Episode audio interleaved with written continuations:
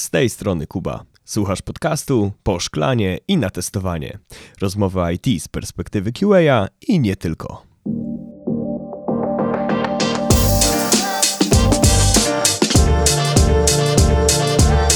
Przy okazji poprzednich odcinków często wspominałem o tym, że QA jest swego rodzaju strażnikiem i nie mylcie tego ze strażnikiem Teksasu. Ale nadal mam tu na myśli osoby stojące na straży procesów wytwarzania oprogramowania czy komunikacji. I w większości tych przypadków można odnieść wrażenie, że uznaje, że bez QA często część procesów po prostu by się nie udała lub na przykład nie byłaby odpowiedniej jakości. Czy to oznacza, że QA jest niezbędny do wytwarzania dobrego softu? Tak. Czy to dzięki QA wyłapujemy błędy? No, często tak. To dzięki dobremu QA-owi jesteśmy w stanie dowieść bezawaryjne oprogramowanie. Ale czy to oznacza, że QA nie popełnia błędów? Otóż nie. I wcale nie chodzi mi tutaj o przepuszczanie defektów, choć to też można potraktować jako błąd QA.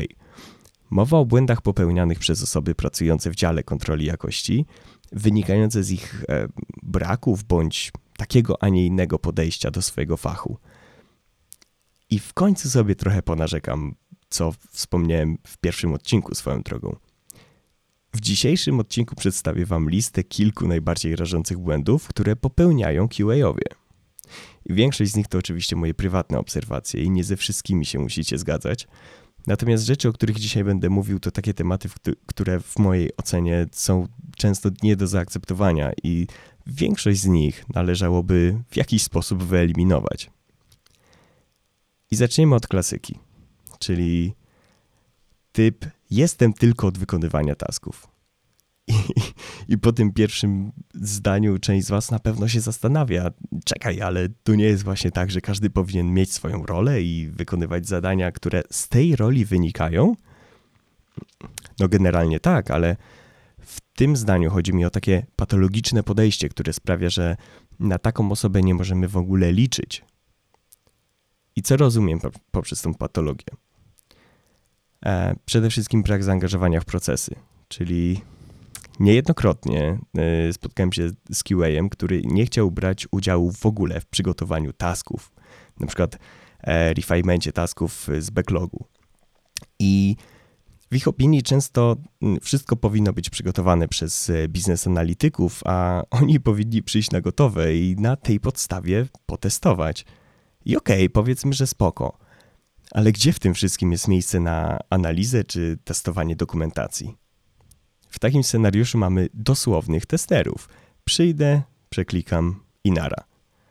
E, często denerwujemy się na fakt, że ktoś coś źle przygotował, że mamy za mało informacji, ale bez zaangażowania w procesy analizy nikt pytań potrzebnych do zebrania większej ilości informacji może w ogóle nie zadać. E, I w mojej ocenie QA powinien uczestniczyć w projekcie i procesach od samego początku, właśnie. I sam te procesy powinien kształtować, ale przede wszystkim powinien analizować, co my właściwie będziemy wypuszczać. E, druga kwestia typa jestem od wykonywania tasków to na przykład problem z rozłożeniem sobie pracy. Um, po co czekać cały pierwszy tydzień sprintu i e, nic nie robić, jak można w tym czasie na przykład przeanalizować feature'y, które wpadły na sprint e, i które mają być oddane do testów później. Albo na przykład napisać trochę dokumentacji, trochę przypadków testowych, tak żeby po oddaniu tych feature'ów do testów nie musieć tego robić, tylko być w stanie się przystąpić do wykonywania testów od razu. Um, I fachowo to się nazywa projektowanie i implementacja testów przez co późniejsza faza, czyli wykonywanie testów, ma wręcz wyściełany tor.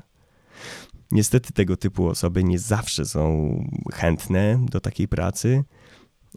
Wiele razy słyszę zdanie, po co teraz na to marnować czas? Usiądę do tego, jak już będzie zaimplementowanie, zaimplementowane. I to zdanie od razu powoduje, że mam skręt kiszek w brzuchu. Unikajmy tego. I to był pierwszy błąd. Drugi na mojej liście to brak analizy ryzyka. Naprawdę, y, widzę to nie tylko u juniorów, czy, czyli u osób, które dopiero zaczynają swoją przygodę z IT, czy z testowaniem samym w sobie, ale też u midów, czy tak, macie rację, u seniorów też. Klasy, kla, klas, klasyczne podejście, jakie widzę, to no dobra, wpadło to i to robimy regresję. Albo no dobra, wpadło to i to, robimy automaty do tego, a tamto dziabniemy w regresji. No i zarówno automaty, jak i regresja powinny być obarczone etapem analitycznym, czy ja na pewno muszę to robić. Analiza ryzyka to etap, który na takie pytania odpowiada wręcz perfekcyjnie, moim zdaniem. Jaki wpływ na aplikację ma dany feature? Albo jakich obszarów dotykają zmiany, które wprowadzają? Czy jak duże będą konsekwencje, jak coś się za przeproszeniem spierdoli? Powinniśmy takie rzeczy brać pod uwagę zawsze, gdy rozpoczynamy etap planowania testów. No właśnie. Ale planowanie testów musi w ogóle istnieć. Koniec końców chodzi mi o to, żeby testy, które wykonujemy, miały po prostu sens. Co więcej, a dzięki analizie ryzyka w prosty sposób stworzymy sobie taką listę, można powiedzieć, priorytetów. Funkcjonalności z najwyższym mm, czynnikiem ryzyka powinny być testowane w pierwszej kolejności z być może największą dokładnością. Jak myślicie, damy radę wykonać takie ćwiczenie bez um, analizy? Szczerze wątpię. Ale jeśli u Was to działa bez analizy ryzyka i nigdy nie przestrzeliliście się z ilością wykonywanych testów czy e, marnowaniem czasu i pieniędzy, no to dajcie mi koniecznie znać, jak to robicie, bo chyba chciałbym pożyczyć ten sposób. Trzecim problemem, który spędza mi sen z powiek, e, chociaż może to jest głupie określenie, bo jednak rzadko zdarza mi się w pracy spać, e, jest brak zakończenia testów. To znaczy, wiele osób nie patrzy w raporty i ich nie analizuje. Bo wiecie, samo zerkanie w rubryczki jest spoko ale jednak brak śledzenia trendów czy analizy jakichś dziwnych odchyleń e, może być bardzo kosztowne w skutkach. I na tej podstawie, jakby na podstawie tej fazy przecież jesteśmy w stanie oszacować, e, czy po pierwsze nasza aplikacja jest stabilna, czy ma odpowiednią jakość, a po drugie, czy na, nasze testy nie są przypadkiem flaki. A co znaczy, że są flaki? Trochę jak, jak wiecie, jak są zupą mało osób się cieszy, że na obiad będą flaki. Ej, synek, dzisiaj na obiad będą flaki. No, mało znam osób, które mówią, wow, jej, super, są flaki. Znaczy, żeby nie było, trochę znam, ale jednak jest ich zdecydowanie mniej. Flaki to nie pomidorówka. A tak na poważnie, mm, flaki testy to są takie testy, które wywalają się nie z powodu awarii aplikacji samej w sobie, ale często losowo, z jakichś przyczyn, które mm, często ciężko zlokalizować. I może to być infrastruktura, jakieś problemy z internetem, problemy z jakimiś dostępami, czy w ogóle może to być e, źle napisany kod testów na przykład.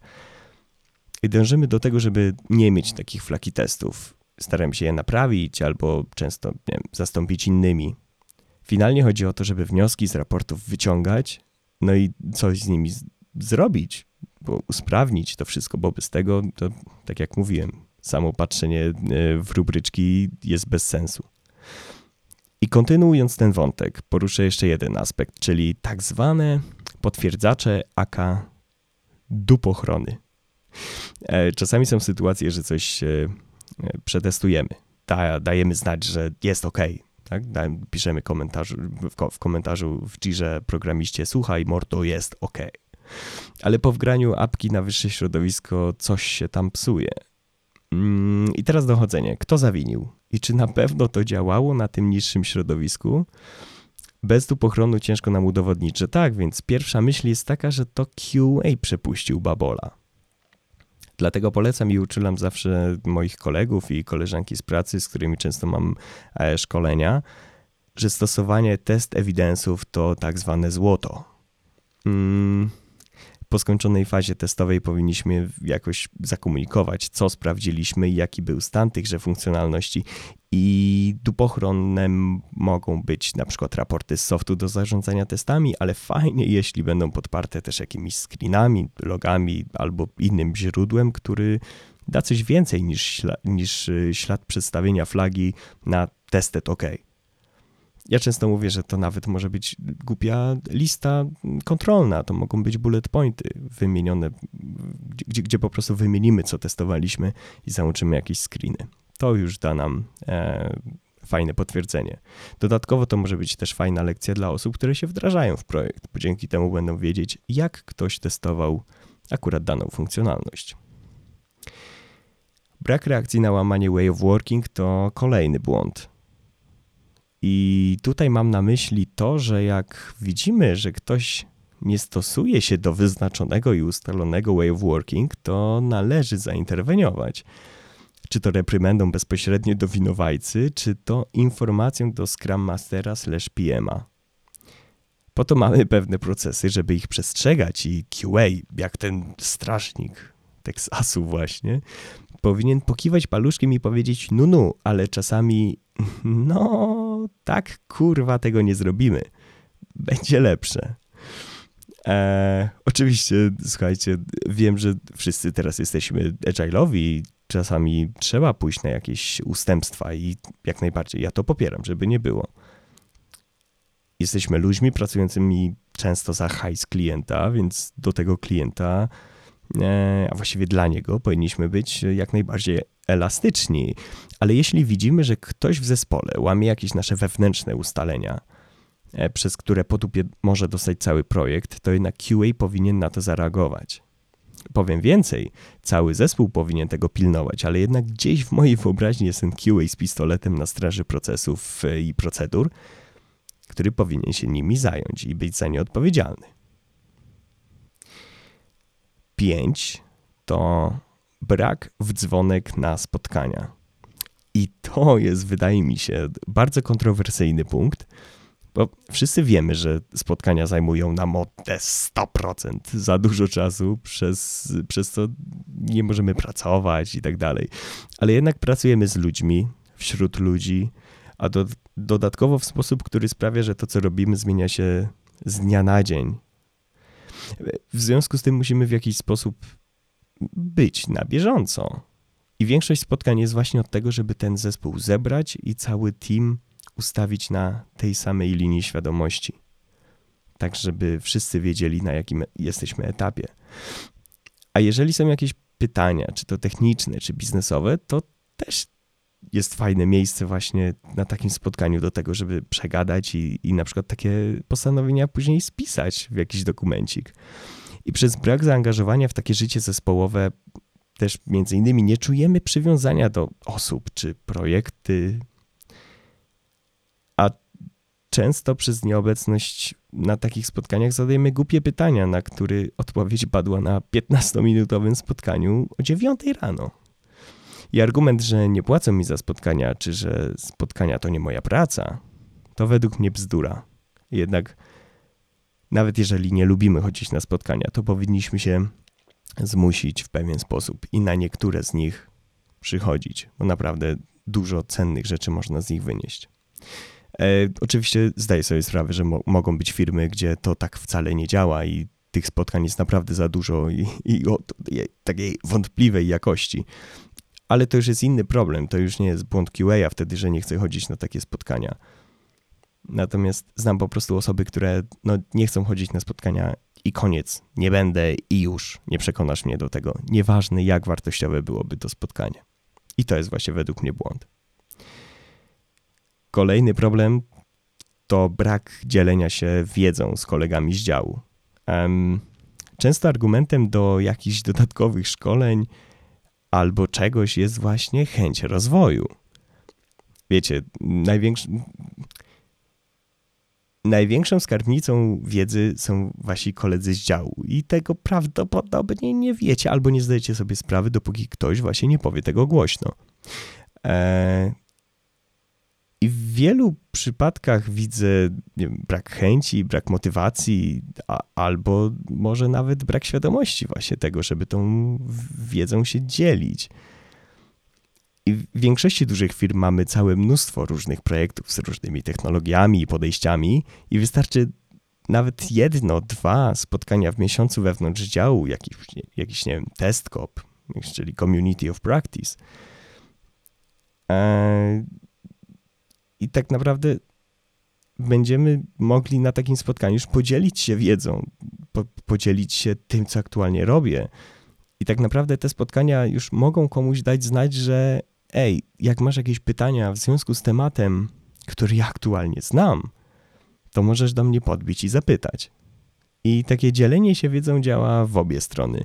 Raz, że możesz komuś pomóc, a dwa, nie ma lepszego sprawdzianu, czy dobrze ogarniam jakiś temat, jak próba nauczenia kogoś innego. I wiem to z autopsji. Naprawdę wiele tematów, wiele zagadnień usystematyzowałem dopiero wtedy, jak e, zacząłem uczyć innych. I to jest naprawdę świetne ćwiczenie. Polecam każdemu, bo jest świetne do rozwoju. Właśnie nie tylko pomagasz rozwijać się innym, ale przede wszystkim rozwijasz sam siebie na wielu płaszczyznach. Następny punkt to chęć automatyzacji wszystkiego. O Jezu. I teraz tak. Przy okazji pierwszego błędu wspomniałem o tym, że są typy, e, co przez pierwszy tydzień sprintu nic nie robią, a później są w przysłowiowej dupie. Błąd, o którym mówię w tym momencie, skłania takie osoby do poświęcenia pierwszego i pewnie drugiego też tygodnia na, automa- na au- automatyzację.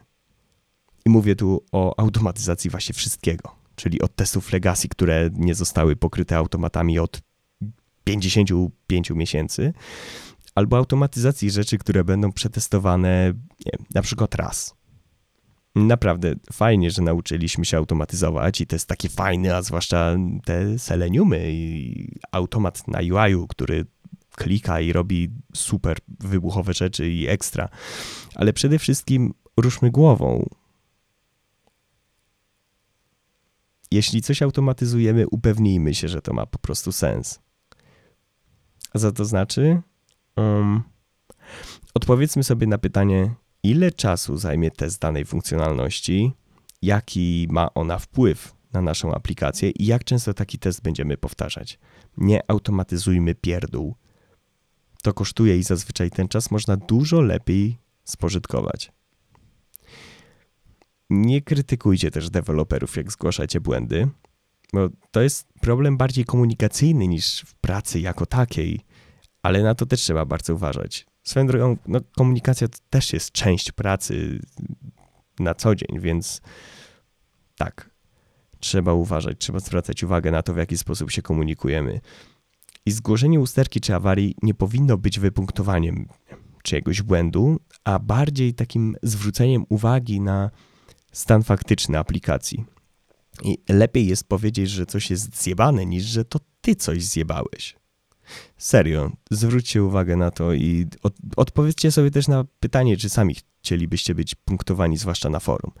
No i właśnie, jeśli ktoś popełnia piąty raz ten sam błąd i trzeba mu faktycznie powiedzieć dosadnie weź się ogarnij, to zróbmy to, ale nie na forum przy wszystkich, tylko w cztery oczy. Weźmy taką osobę gdzieś na bok, do innej sali i z nią porozmawiajmy. To też Myślę, że ta osoba to doceni po jakimś czasie. Jeżeli nie od razu, to na pewno po jakimś czasie. I chyba ostatni. Używanie tych samych zestawów danych, czyli słynny paradoks pestycydów. Załóżmy, że mamy aplikację, gdzie mamy bardzo dużo formularzy.